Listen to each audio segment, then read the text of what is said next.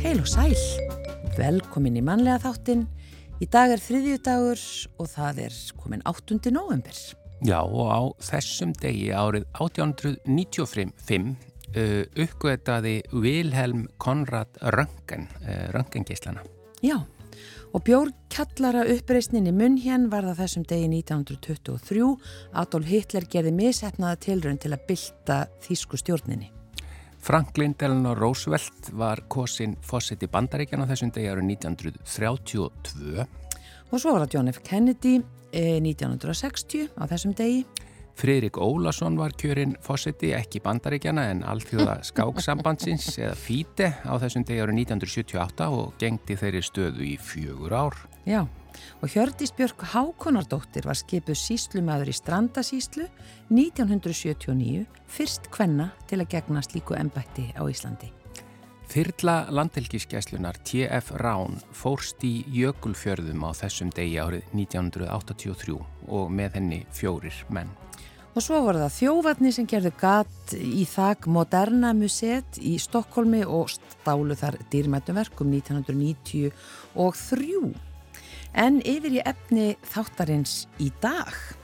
Já, uh, við ætlum aðeins að, að uh, velta fyrir okkur æfisögum og sjálfsæfisögum og hvað er hægt að sjá út úr því að lesa þær á laugadaginn heldur félagum átjándu aldar fræði málþing undir yfirskriftinni af sjálfsæfisögum frá átjándu og nítjándu öld og þetta málþing verður í þjóðabóklöðinni.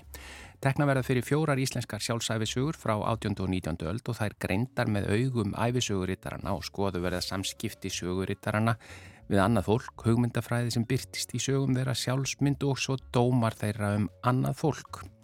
Mjög áhugaverð insýn í lífið á 18. og 19. öld og þau Margret Gunnarsdóttir, sakfræðingur og skjalavörður í Þjóðskjálasafni Íslands og Svavar Sigmundsson, rannsóknarprofessor emeritus við stopnun Átna Magnússonar ætla að koma og segja okkur betur frá þessu. Og svo er það veðurspjallið okkar, Elin Björk Jónastóttir veðurfræðingur eh, kemur til okkar í dag og hún ætlar að fjalla hans um lofslagsmálin og COP27 lofslagsrástefnuna eða COP27. Skátarhefingin á Íslandi fagnaðum helgina 110 árum frá upphafi starfs uh, og 100 ára ammali hvern skátastarfsins. Og þetta var það gert með ammalis kvöldvöku en við ætlum að fá skátahauðingja Íslands til að fara aðeins yfir söguna. Upphafið annar november árið 1907 þá komu saman nokkri skátafélagar og hittust í fjósinu að baki mentaskólans við Reykjavík og Harpa Ósk Valgistóttir Skátahöfing Íslands ætlar að segja okkur meira frá þessu hér á síðar í þættinum.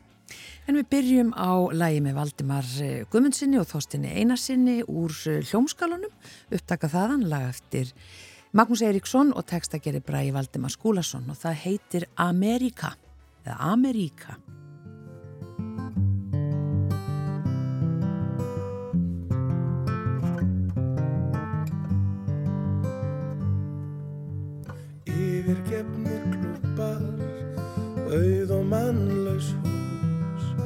Engin kakkalakki og engin hagamús. Hér var her í landi og háð þau köldu stríð, við ímyndaðan óvinn í austri alla tíð. Ameríka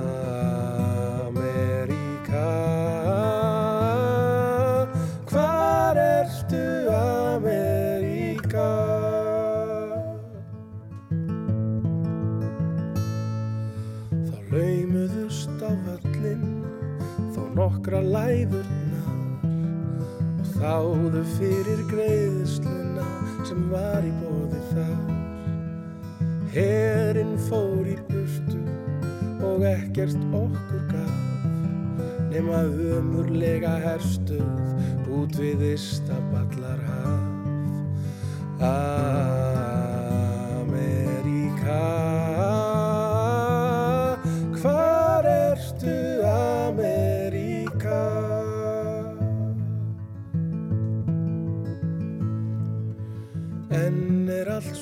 snirtilegt og öllu haldið við.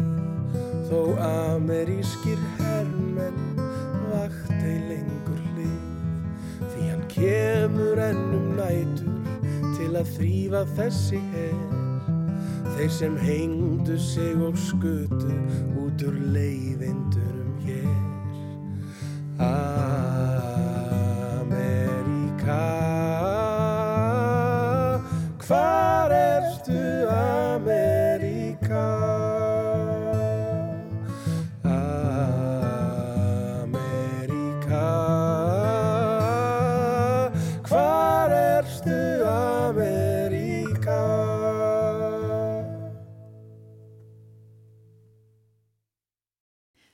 Skátarheyfingin á Íslandi fagnaðum helgina 110 árum frá upphafi starfs á Íslandi og 100 ára afmæli kvennskátastarfsins. Og það var auðvitað gert með afmælis kvöldvöku. E, Skátahöfingi Íslands heitir Harpa Ósk Valgistóttir og hún er komin hinga til okkar. Velkomin. Takk fyrir. Þetta byrjaði allt sem sé annan november árið 1907 og þá komu saman nokkri skátar stendur í, í sögunni og hittust í svo kallu fjósi að baki mentaskólans við Reykjavík. Hva, hvað er meira vitað um, um þetta upphaf? Um, 1907 þá hófst skátastarf í Breitlandi en það er 1912 sem það hefst hérna á Íslandi þess vegna eru 110 ár núna og það var þessi maður Beitan Páel sem stopnaði reyfinguna í Breitlandi og var þá að reyna að virkja ungmenni, þú veist, þá var fólk svolítið farið að flytjast inn í bæi og borgir úr sveitum. Og þar voru krakkarnir bara svolítið á gödun eitthvað að bjástra við ymsa hluti. Og hann vildi bara virka þau í þá samfélagsins. Þannig að þetta byrjar þannig. Þetta 1907 Já, en svo vitum við að 1912 að þá kom hérna stráku frá Danmörku sem hafði kynst starfinu þar, þá var þetta að byrja að breyðast um heiminn og hann byrjar hérna eitt sumar að sanka að sér öðrum strákum og þeir voru fyrst í skátaflokkurinn hérna, já, 1912 já, þannig að þetta kemur frá Danmörku til okkar. Já, það kemur frá Danmörku til okkar og kvennskátastarfi hefst svo tíu árum setna svona formlega og kemur þá með um, konu sem hétt Jakobína og var að læra hjókurinn uh, í Danmörku og hún þá rýfur af stað stelpustarfi hérna á Íslandi. Uh, þá 1922, það eru 100 ár síðan. Mm. Og, og voru þá strax, ég margar stelpur? Ég það tala um það að hún hafi á örfáum vikum, uh, já, stopnað stóra sveit. Það, talan er nú ekki ljós hversu margar, þetta er öruglega í tugum, að því að myndirnar sem að við hefum séð, þetta eru margir, bæði börn og ungmenni, bæði strákar og stelpur, sko. Þannig, að, mhm. Og svona hvað var gerst uh, á þeim tím? Þau eru mikið að, svona bara þjálfa alls konar færitni. Það er skyndihjálp, uh, verkefni eins og að læra festa tölu, uh, sauma og svo er þessi samfélags svona þáttaka eða þar að segja hjálpastarf var líka ofarlega í huga, sérstaklega hjá kvennskáta reyfingunni til að byrja með. Mm. Og svo náttúrulega kemur stríðið þarna í, kjölfari þannig að þá er hjálpastarfið orðið svolítið stór hluti, uh, dreifa vistum, um, vera sendibóðar og ýmislegt slíkt. Já. Og þetta, þetta stopnast svona á þessum tíma þá er náttúrulega ekki talið sko við hæfi að- að stelpur og strákar séu að eitthvað að gera mikið saman. Um, þetta kemur alltaf frá Breitland upprunnilega þá þurfti það alltaf að vera svo proper. Og hérna, en hérna á Íslandi þá saminu við þessar reyfingar 1944 og erum við fyrsta bandalegi heiminum sem að saminast þessi störf þessir að kynja en við tilherum enn í dag þessum tveimur reyfingum kvennskáta og drengskáta. Og fólk kannski kannast við Boy Scouts of America oft mjög svona uh, í bíómyndum annað og Girl Scout Cookies. Þetta er í dag sikkur reyfingin eins og í bandarækjunum þó að við séum þetta sammeilegt hérna. Já, mm. og, hvað, og það hefur aldrei verið neitt, uh, já, mál fyrir okkur. Nei, það var náttúrulega samkvæmdum rítu heimildum sem eru til, það var alveg svolítið stór ákvörðun. En það var talið að þetta var í andi skátarhefinguna sem að er svo mikið lagt upp og jafnbreytti allra, bæði sko, óhá kyni, húlit, fæðingastað, svolítið eins og við erum bara mikið að díla við í samfélaginu í dag þessi við viljum að allir taki þátt og séu með og séu jafn háin, það var ekki jafn svona um, á þessum tíma þá, þá var það kannski ekki endilega svona það sem að öllum fannst, þú veist, það Mm. var ennþá þessi stjættaskipting og, og húðlitur skipti miklu máli og annað, við erum bara komið miklu lengri í dag. Þannig að við hérna á Íslandi, að við saminum þetta í fyrsta sinn og, og við vitum að það voru svona áskoranir fyrir stelpurnar og jafnbretti sparáttan var alveg jafn svona sterk í þessu eins og annar staðar og þær þurftu að berjast fyrir því að fá að taka þátt í sömu daskra og berjast fyrir því að fá sömu þjálfun og fá að taka þátt í sömu viðbörðum.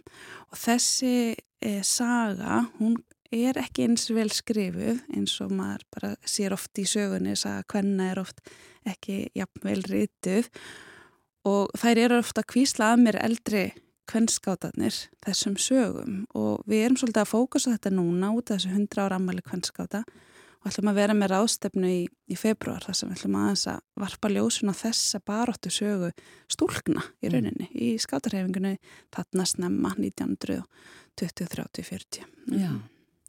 Og þú segir að þá hafi svona verið, eða helstu verkefni verið hjálparstarf Já, á byrjunar árum þess, Það- þegar skátarnir eru saminaðir. einmitt. Og þetta er svo sem á sama meiði og, og oft svona þessar stúkur og, og hérna, sem eru enn í dag kannski bara me, mest megnis eldra fólk sem er í stúkum eða rótar í klubum. Þetta er alltaf með þessum góðgera mála uh, hérna, áherslum en við erum með börn og ungmenni sem eru þá í rauninni að skoða þessi mál, hvað getur við gert í nærsamfélagin okkar. Já. Og hvernig, já, hver er starfseminn í dag? Í dag er starfseminn uh, að stærstum hluta höfbrukarsvæðinu og akureyri en við erum líka með félög á landsbyðinni og erum að reyna að ebla þau og koma aftur af stað skátafélögum sem voru kannski hérna áður en hafa lognast út af og þetta er alltaf, byggir alltaf á mannskapnum sem að býra stannum hverju sinni. Og uh, í dag þá eru um, krakkarnir sem að koma til okkar hittast vikulega og þau eru undirbúa sig á þessum vikulegu fundum í ákveðinu svona sjálfstæði og leiðtófærni og svo eru helgarferðir þar sem þau þurfa svona láta svolítið reyna á sig og reyna á þessa færni og allt þetta klassiska eins og þetta kveika eld eða tálka, þetta er bara svona lítið verkvar í að þau séu sjálfbjarga í náttúrunni eða uh, læri að vinna saman, læri að leiða hópavinnu, þetta er rosa mikið verkefnastjórnun sem við erum að læra til dæmis. Og svo svona eftir því sem þau stækka þá færist svolítið um, hvað maður að segja sjónarsvið uh, á þetta alþjóðastarf. Þau eru verða 17, 18 þá fara þau að sko skáta miðstöðar ellendis fara kannski í, hérna, sjálfbólega starf, ekkert annað þannig að þetta er svona að byggjast alltaf svolítið upp eftir því sem það verða eldri og svo er náttúrulega uh, björgunarsveitinar að hjálpa sveiti skáta af alltaf stopnið út frá skátarhefingunni upprænulega og það eru margir sem að leiðast tanga líka uh, eftir starf hjá okkur. Já. Uh, sko hefur skátum fælkað? Nei, við erum bara svipuð. Við höfum bara haldist. Við erum svona milli 1800 og 2000 táttakandur, börn og ungmenni um, og svo náttúrulega bara seflast þetta eftir árum. Um, COVID náttúrulega uh, allir því að það var svona hægari starfsemi og fleiri heldur sig heima en við erum að sjá að það er alveg töluvert mikil aukning núna í haust. Mörg félög sem að hafa fyllt sína sveitir og okkur vantar rauninu bara fleiri fullorðna til að koma og hjálpa. Já, sem sagt uh, fullorðna skáta? Já, fullorðna skáta eða þá sem hafa aldrei verið skátar. Það margir góði vinni minni skátastar í dag byrjuðu eftir að þau náðu svona sem fullorðans árum þannig að þetta er svo fjölbreytt starfa að það geta flesti fundið eitthvað við sitt hæfi. Sumir hafa áhuga útivist og þá kannski taka þeirra sér að leiða hópa í, í gunguferðir eða svoleiðis. Aðrir hafa áhuga á skyndihjálp eða um, einhverju svona það sem að gera með hundunum fundri eða leiðurvinnu eða annað þá geta þau hérna, hjálpa til með það. Þannig að raunin allir velkomnir bara. Já. Nú ert þú búin að vera skátahöfðingi síðan í vor, er það ekki, Harpa? Jú, það passar. Og já, og hvernig hafa svona þessir fyrstu mánuðir verið? Bara rosalega skemmtilegir. Ég hef náttúrulega verið í skátastarfi sjálf síðan ég var 12 ára og verið sveitafóringi og verið félagsfóringi og hef verið í stjórn lengi en uh, að vera skátahöfðingi er svona alveg næsta skref og ég er búin að hitta svo mikið áhugaveru fólki. Eins og sé eldra fólki er alltaf að lauma mér einhverjum sniðum sögum og svo hef ég verið að fara á öll skátamótin sem voru sumar. Nú eru fimm skátamút og hitta krakkana og það er svo gaman bara að sjá um, hvaða mikið líf í starfinu og mikið groska og mikið af fólki sem er að gefa tíman sinn í að halda þessu starfi uppi og það er eitthvað sem ég er mjög þakklátt fyrir þegar maður sér betur og betur hvað margir að gefa tíman sinn fyrir unni börn og ungmenni þessa lands mm. til þess að þroskast og, og, hérna, og eblast mm. Þannig að svona tilgangurinn með skáta starfinu mm -hmm. hann er bara þessi í nótskurð Já, vir, virkja, börn já, virkja börn og, og ungmenni og ég var að mynda að hugsa svolítið út af þessu 110 ára afmæli að í upphafi er reyfingi stopnum til þess að virkja börn og ungmenni og, og vera svona virkið þáttangandur í samfélaginu Og það á alveg mikið erindi í dag og það átti vera 110 árum að því að við erum alltaf festast svolítið við tækin og, og hérna, einangrast og bæði börn og ungmenni og fullornir eru einangrast og eru minni samskiptum. Þannig ég held að við hefum alveg mikið erindi í dag að virka fólk til samveru, útivistar, náttúruvendar og, og allra þessar þáttan. Já, finnið það á krökkunum sem koma til ykkar að, að, að hérna að þau eru kannski einangruð og einmanna. Já, ég held það að við finnum það og, og hérna um, það hefur verið gerað rannsóknar bara á því líka eins og Norðurlandunum að, sem er að sína fram á það að, við erum að rauninni, virka þarna oft hóp sem ekki rekst kannski innan íþróttarhefingarnar finnist ekki þar, hefur ekki áhuga á svona áhrif, um, hvað heitir það um, árangusstripnum um, uh, verkefnum, Já. heldur meira bara þrösku afla sjálfan sig og þá er það oft mikið erindi til okkar. Þó svo að þau sem er íþróttum eru líka hjá okkur en þarna oft finna sér krakkar sem að lenda kannski oftar á varamannabeknum. Þannig að hérna þá hefur þau plást þarna. Og eins þessi virkni sjálfbúaliða er að draga úr einangurinn uh, kvíð og þunglindi sem gott hérna, nýjum rannsóknum frá Nóri þannig að við erum svona að hafa held ég áhrif á öllum sviðum, ekki bara börn og ungmenn líka fullorðan. Já og já, er hún ennþá sönn þessi setning? Eitt sinn skáti, ávald skáti? Það held ég, hún, hún hefur lifað í 110 ár og, og við sjáum það eins og þegar við köllum til kvöldvökunar í síðustu viku að þar sá maður mörg andlit sem hafa ekki sést lengi og það um, skáta svona hjartað slægir stert uh, alla æfi og hérna og gefur fólki mikið og þar, þar leðandi helst þessi setning alltaf í gildi. Mm.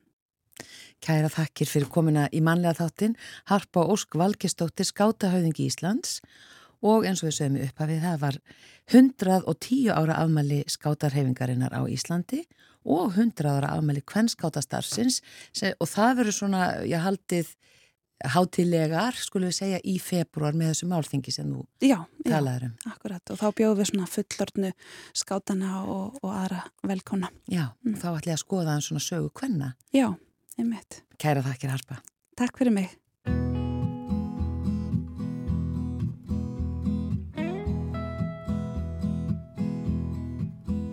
Með þér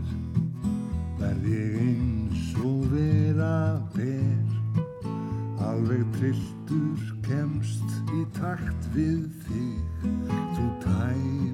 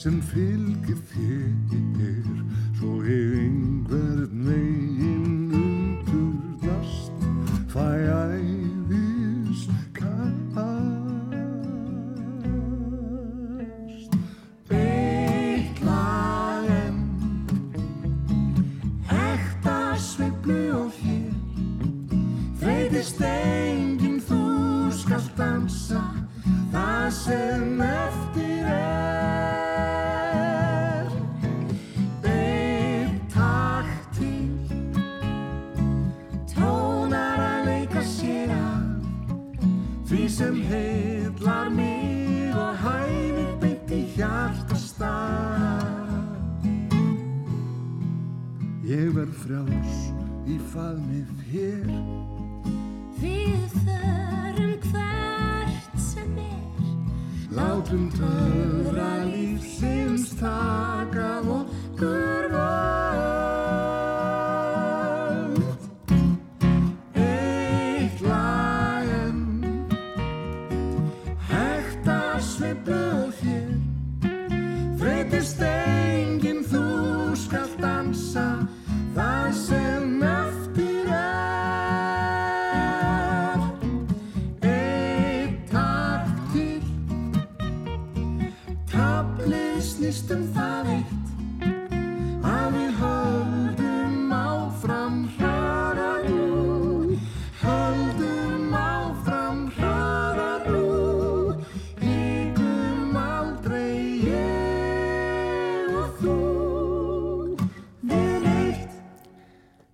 eitt lag en uh, þetta lag þekkja auðvitað allir uh, í flutningi Sigurbeindins og, og Gretars uh, en þetta voru þau í Gós sem að sungu það í þetta skiptið og þetta lag eftir Hörð Gunnar Ólafsson og Aðalstein Ásberg Sigursson.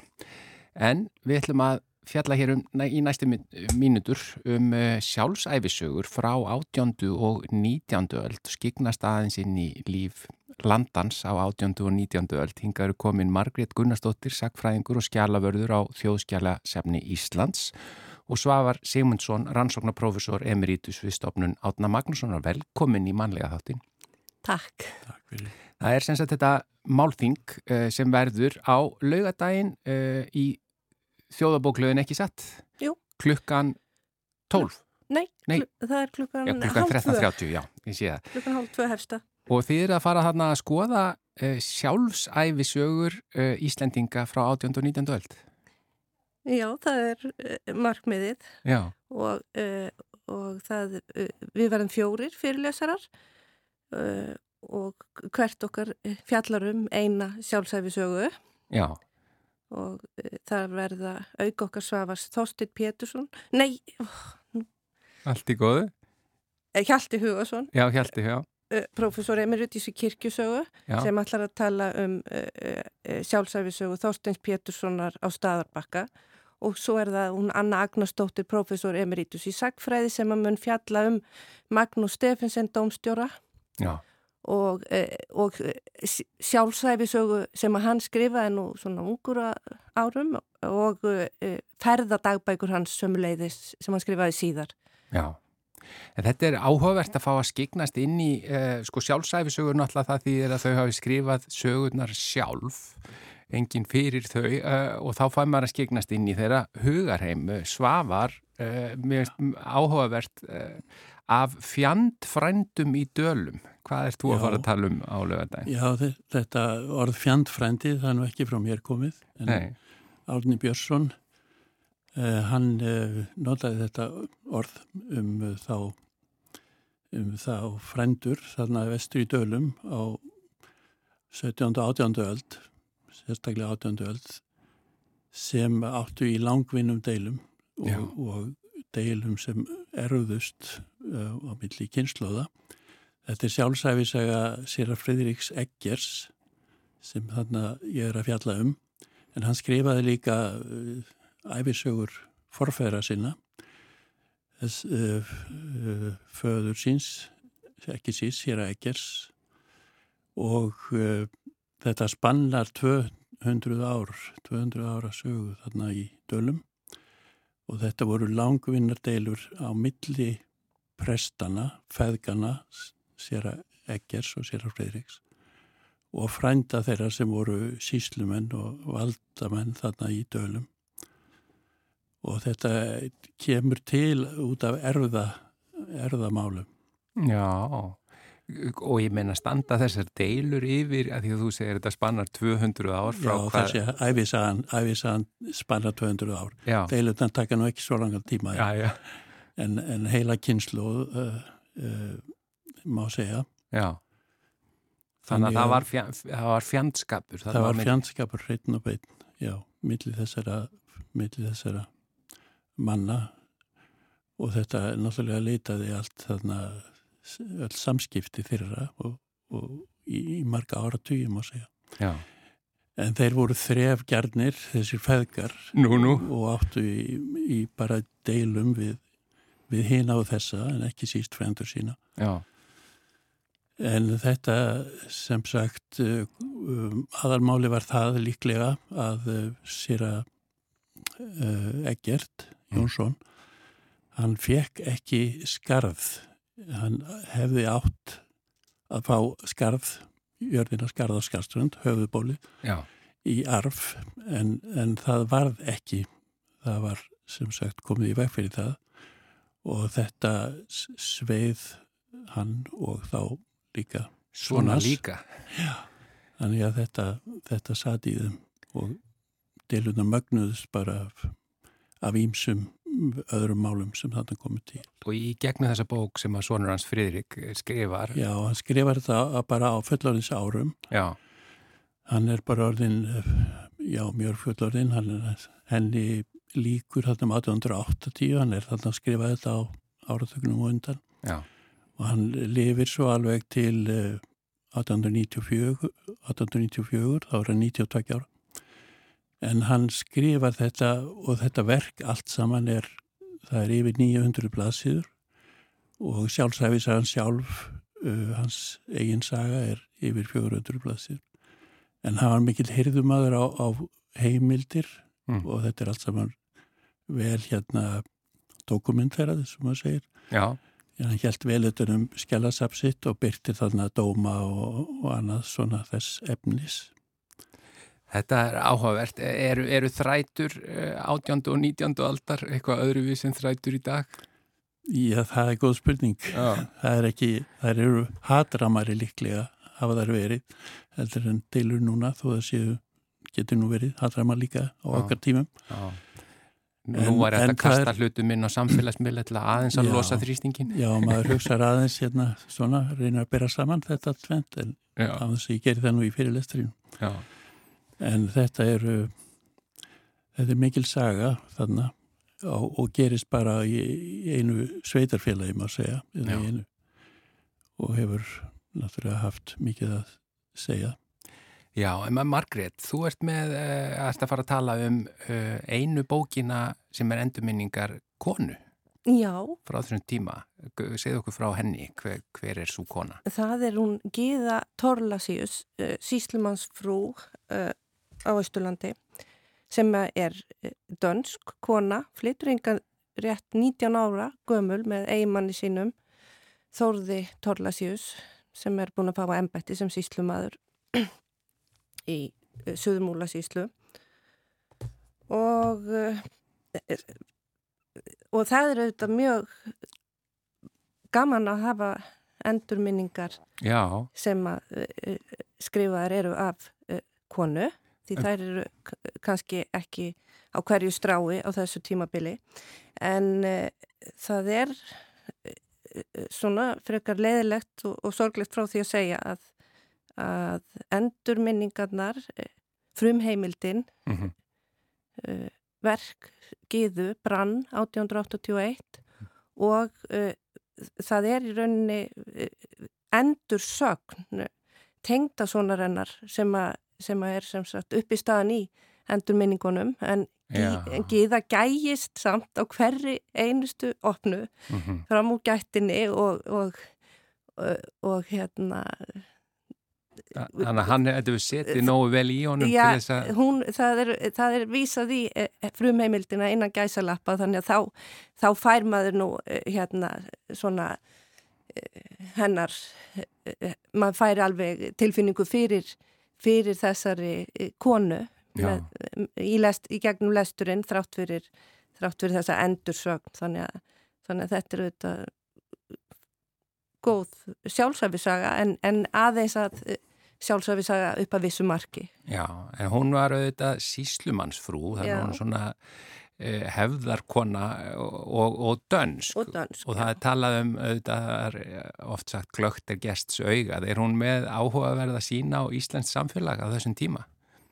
Já, hún, uh, hún uh, gengur, í, í, gengur í þau störf sem þarf að sinna og, og auðvitað er hún dönsk og sækir til an- annar dana á Östurlandi en, en hún, hún fer á grasafjall og hún uh, lærir að lita eins og uh, íslenskar konur kenna henni. Og svo kennir hún þá íslenskum konum sérstakar prjóna aðferðir og, og uh, kemur með snið frá Skotlandi af því hún er líka á, á ferðalögum. Bæði fer hún nú á þessum tímabili sem hún er hérna frá 1801 til 15 þá fer hún nú uh, tvísvar til Kaupmannahafnar og það eru uh, hérna siglingar og hún, í einni ferðinni stoppar hún í Líth í Skotlandi þannig að þá kemur hún með nýjustu tískuströyma hérna austur svo það er, uh, já þetta er bara mjög uh, hún, hún lifir og hærist í, í samfélaginu á eskifyrði og, og, og þarna fyrir austan, já.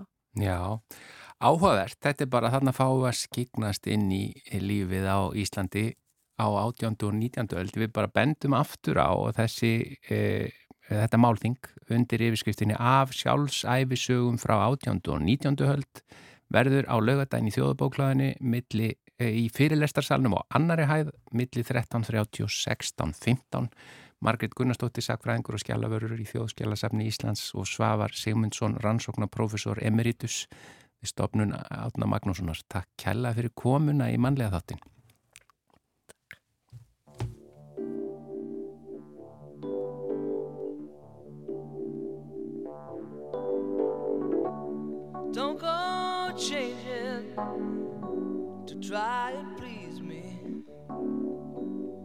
Never let me down before. Mm-hmm. Don't imagine you're too familiar, and I don't see you anymore. I would not leave you in times of trouble. We never could have far. Mhm. I took the good times, I'll take the bad times. I take you just the way you are.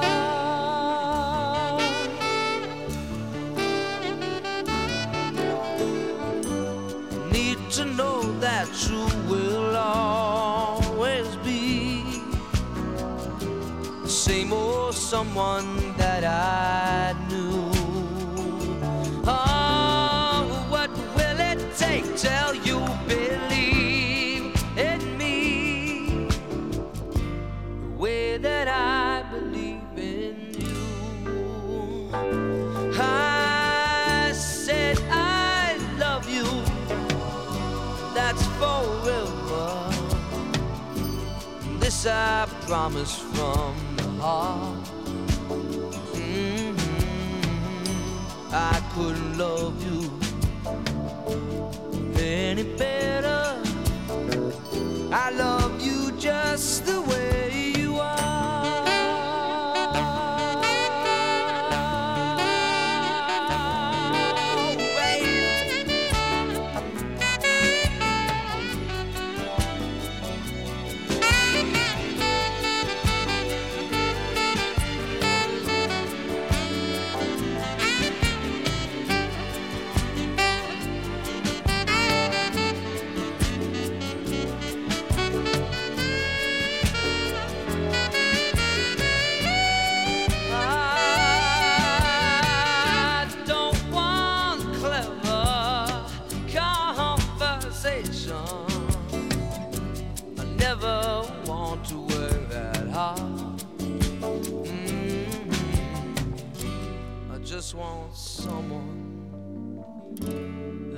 can talk to.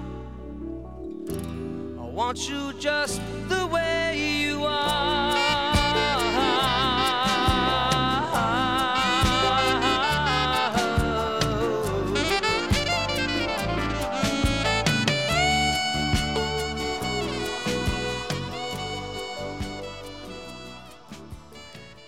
Já, þetta er Billy Joel að syngja Just the Way You Are lag og auðvitað eftir hann sjálfan. Já, það er komið að veðurspjallinu og uh, hún Elin Björk Jónasdóttir veðurfræðingur sest hérna hjá okkur á þessum þriðju degi. Kondur sæl og velkomin. Já, góðan daginn. Hvað ætlar að tala um í dag? Já, mér dætti hugkortvættum kannski að ræða eins þessa koppráðstefnu sem hefur svolítið verið í fréttunum. Já, Það verðist fréttnæmt að einhverjir mæti og aðrir ekki. Sko, mm, þetta er mjög gott að þú komir, við fáum hérna sérfrænglar að þetta, því þú sendir okkur og þú bara, já, ég ætla að segja ykkur frá hérna kopp, eitthvað 27, 27, og ég bara, já, let eins og ég vissi hvað þú var að tala um. Akkurat. Hvað er þetta? Um, þetta er í raun og veru samráðsfundur þeirra þjóða sem að standað rammasamningi saminuð þjóðuna um loftlagsbreytingar. Mm Mm. Þannig að 1992 að þá sem sagt eh, er þessi rammasamningur saminuð þjóðuna eh, um loftlagsbreytingar samþyktur. Eh, Hann, hann gengur undir, undir hérna skamstöfunni UNFCCC, sem sagt United Nations Framework on Climate Change, Framework Convention on Climate Change. Mhm.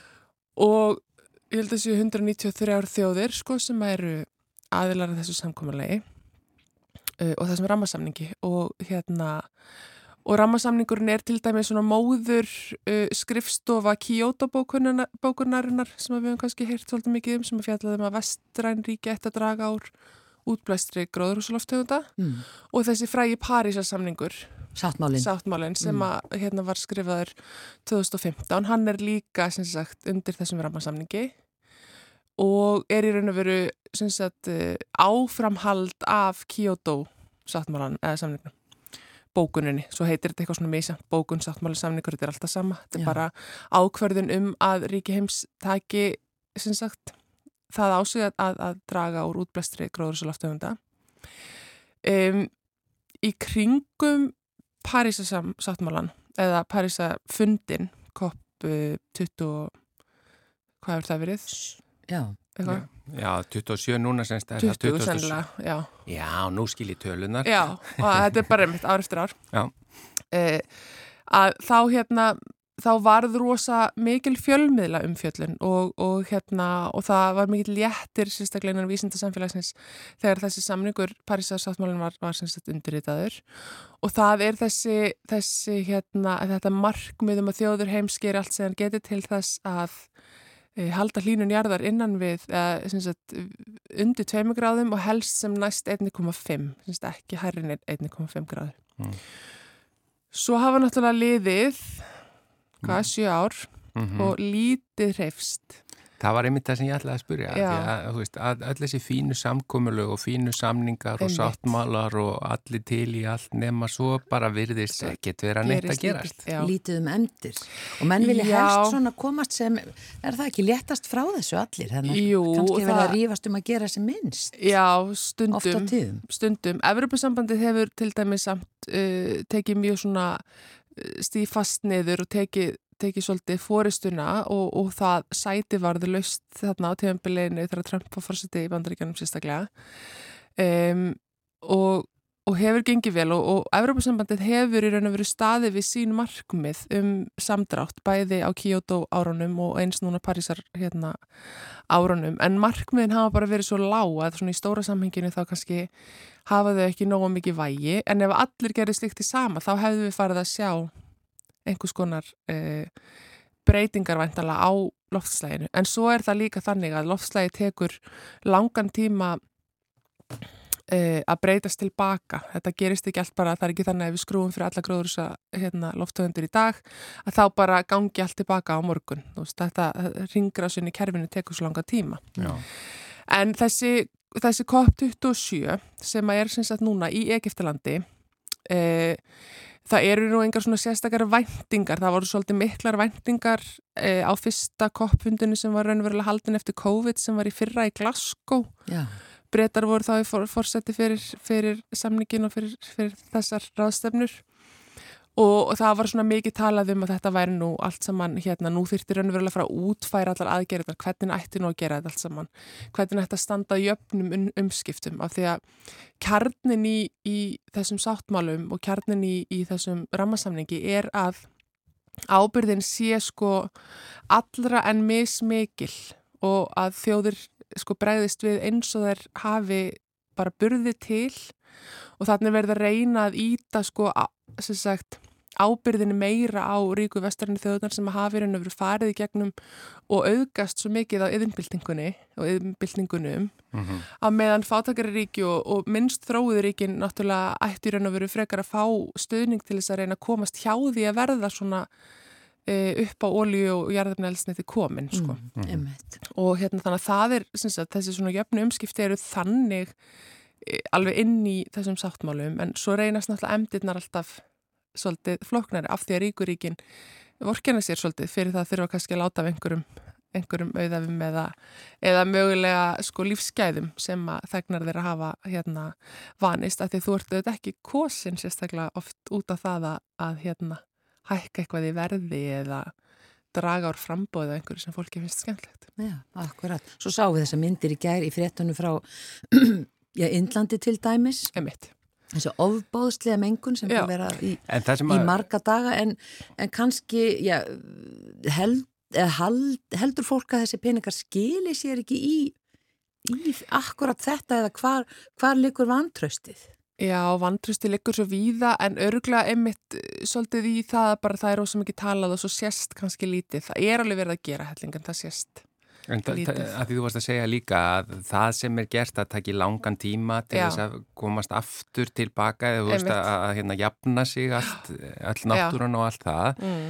En svo var bara svo áhugavert taland um uh, fyrsta ráðstefnan eftir COVID. Það var svo áhugavert í COVID. Fyrsta lagi hvað heimurinn allur saman gat gert. Já, það veist, er nú málið. sko. Hvað var hægt að breyta miklu 1, 2 og 3? Eitt verður þrýr, þetta er alveg hægt. Já, og ekki nóg með það, heldur ég var bara hlust á viðtal bara í gær. Og veist við munum alveg eftir því og, og að bara talað um þetta í öllum þessum stórborgum í COVID, þegar Já. allt lokaði, Já, þá allt í einu urðu bara, þá var eh, mengunin fór. mengurum minkaði, já. Mingaði nánast, sko, hérna nánast fór. Og þú veist, og fólk bara allt í einu sá bláan himinn og, og sem að hafði ekki séð bara í ára tugi. akkurat. Þannig að maður hugsa, ah, við erum búin að fatta að við getum fyrsta lagi bara gert svo margt ef við bara reynlega viljum það eða, eða, eða bara Og það snýst þetta svolítið um það. Munurinn á, á COVID og til dæmis loftlagsbreytingum er að COVID er svona holskefla sem að, sem að hérna, lendir á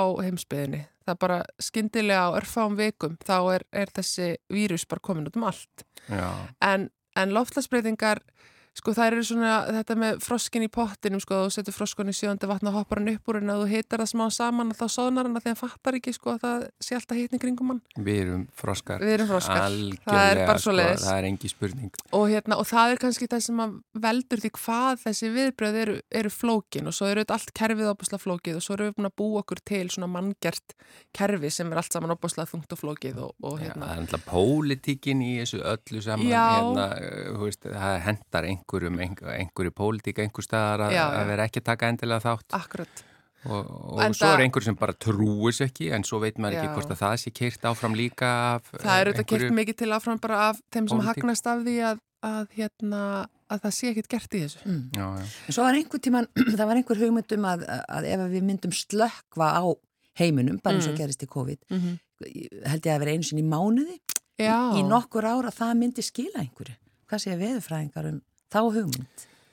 slökku á heiminum í Það er mánuð nú- Já, bara engin, engar versmiður, ekki neitt, engin Já. bílar, bara Já. ekkert í einn dag. Í dag, já, í það, það allavega er búið að reikna það út að ef allir borða, sko, allir sem borða kjöt, borða græmitismat einu sinni í viku, eða Mhm. tvisar í viku, það hefur áhrif Já, á, já. á framlýsluna og þá á, á hérna, umhverfis uh, sporið og alveg með þetta að ef að við hérna skiptumst á að, að keira í vinnuna og hjóla að þá, þá hefur það líka alls konar áhrif hvort að þetta myndi hafa þannig áhrif að það hefði sko áhrif á kerfið sem slíkt og nægilega mikil Mm. til þess að maður sægi það, ég bara veit Nei. ekki en það verður mjög gaman að sjá hvort einhver er búin að rekna þetta út sko. En kannski er þetta oflítið, kannski bara einu sinni í viku. Já, Já, já, og þú veist, og það er alltaf verið að skora á einstaklinga eins og þú segir hérna bara Einmitt. í sambandi við samgöngur eða í sambandi já. við gjötneyslu eða eitthvað slíkt sem er auðvitað allt í góðu. Það er alveg- en alveg svo gott. þarf líka að gera bara stórar, þú veist, svo þurfa líka stjórnmöld og, og hérna stóru fyrirtækin og allt þetta að það taka... þarf þess að kerfisbreytingar og það er eiginlega það sem að þessar ráðstefnur eða þessir fundir snúast um Já. og þessir koppfundir eru bara samráðsfundir þeirra sem standa að þessum samningi. En svo er nefnilega búið að af því að þetta er orðið svo flóki kerfi og það þarf að huga svo mörgu og það er búið að fylla þetta eru tvær vikur eiginlega og það er búið að fylla þær af alls konar þegar þetta er hliðarfundum og, og það eru þú veist stóru fyrirtækin og mér skilst að í Glasgow hafi meiri segja ólíu fyrirtækin mætt sko já, sem er rosa skrítið já, ég menna að hafa áhrif.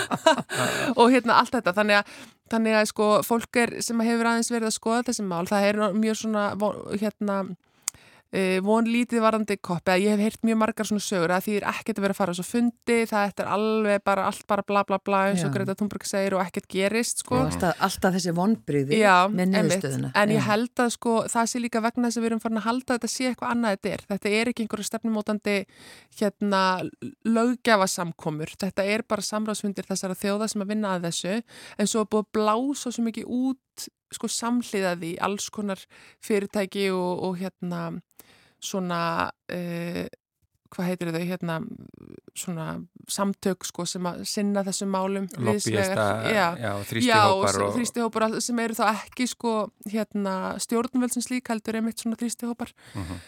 Uh, og sumt að því er öruglega gott en sumt að því dregur öruglega hérna aðeins frá því sem að markmið á að vera. Og ég hjá eftir því Haldur Þorgjursson sem er semst frangatastjóri eða formaði loftlasræðs á Íslandi hann hérna, var eins og skrifstofustjóri í Bonn hjá þessum rammasemningi samið þjóðana og átti rosa mikið hluti til dæmis Parísar samkomulæinu uh, og hann segir sko þetta er fyrst og fremst vinnufundur til þess að, að sko finna leiðir til að leiða út þessi markmið og, og hérna og, og finna hvernig við ætlum að gera þetta Mm. Ég mann er þegar maður sá fréttinnar þegar það var búið að undirrita Parisa samningin þá bara hugsa, ok, þetta er komið flott komið. og allir klöppuð bara úhú. Þar var einmitt haldur upp á sviði hafandi unnið alveg sleitulist í mörg ár að þeim samningi. Já, og hérna en, en sko það er svo oft þannig að erfiðu ákvarðanirnar og erfiðu svona hérna um, útlistunirnar á svona því sem að þarf að, að síðan gera þær eru látnar býða næsta fundar. Og þetta er eiginlega sáfundur og þá, það verður að taka erfiðar ákvarðanir. Og það er ekkit glamur og glimmer og, og svo leiðist, þetta er bara erfitt póldist hérna held ég en svolítið sorglegt að þessi fundur sé framönda eða sé núna Já. og, og það sé litlar væntingar til hans, það segir kannski svolítið hvað Hver En- reynslan já, er. En Já. stundum hefur til dæmis, ef við tökum bara lélegt kannski, lélega samanburða, stundum ef að landsliðið er eng, engar væntingar til þess, Einmitt. þá allt í hennu kemur það á óvart og, já. og verður frábært. Ég, ég segi ekki endilega að séu litlar væntingar, ég hef alveg væntingar til þess að, að fundurinn gerir það sem hann á að gera en væntingarnar eru kannski, miskilningun snýst kannski alltaf um það að við sem að fá Parísasankomlega hverju ári. Já, eða bara fara að leysa þetta núna. Já, leist það núna. Já, já, já við Þetta fylgjumst er ekki svo leiðis vandamál. Nei, en samt, þurfum við ekki að leysa þetta? Við hefum átt að vera löngu búin að leista og Já. það eru alls konar lausnir í búið, það þarf bara innlega þær. Já, Og það er það sem að þetta fjallar mest um, sko. akkurat. Kæra þakkir fyrir komuna í mannlega þáttin Elin Björk Jónasdóttir. Næst þegar þú kemur þá, þá leik- verður búið að leysa þetta. Já, mál. ég ætla að segja því Já, miður gáttum við ekki leist þetta hér. Nei, nákvæmlega. En takk fyrir mig.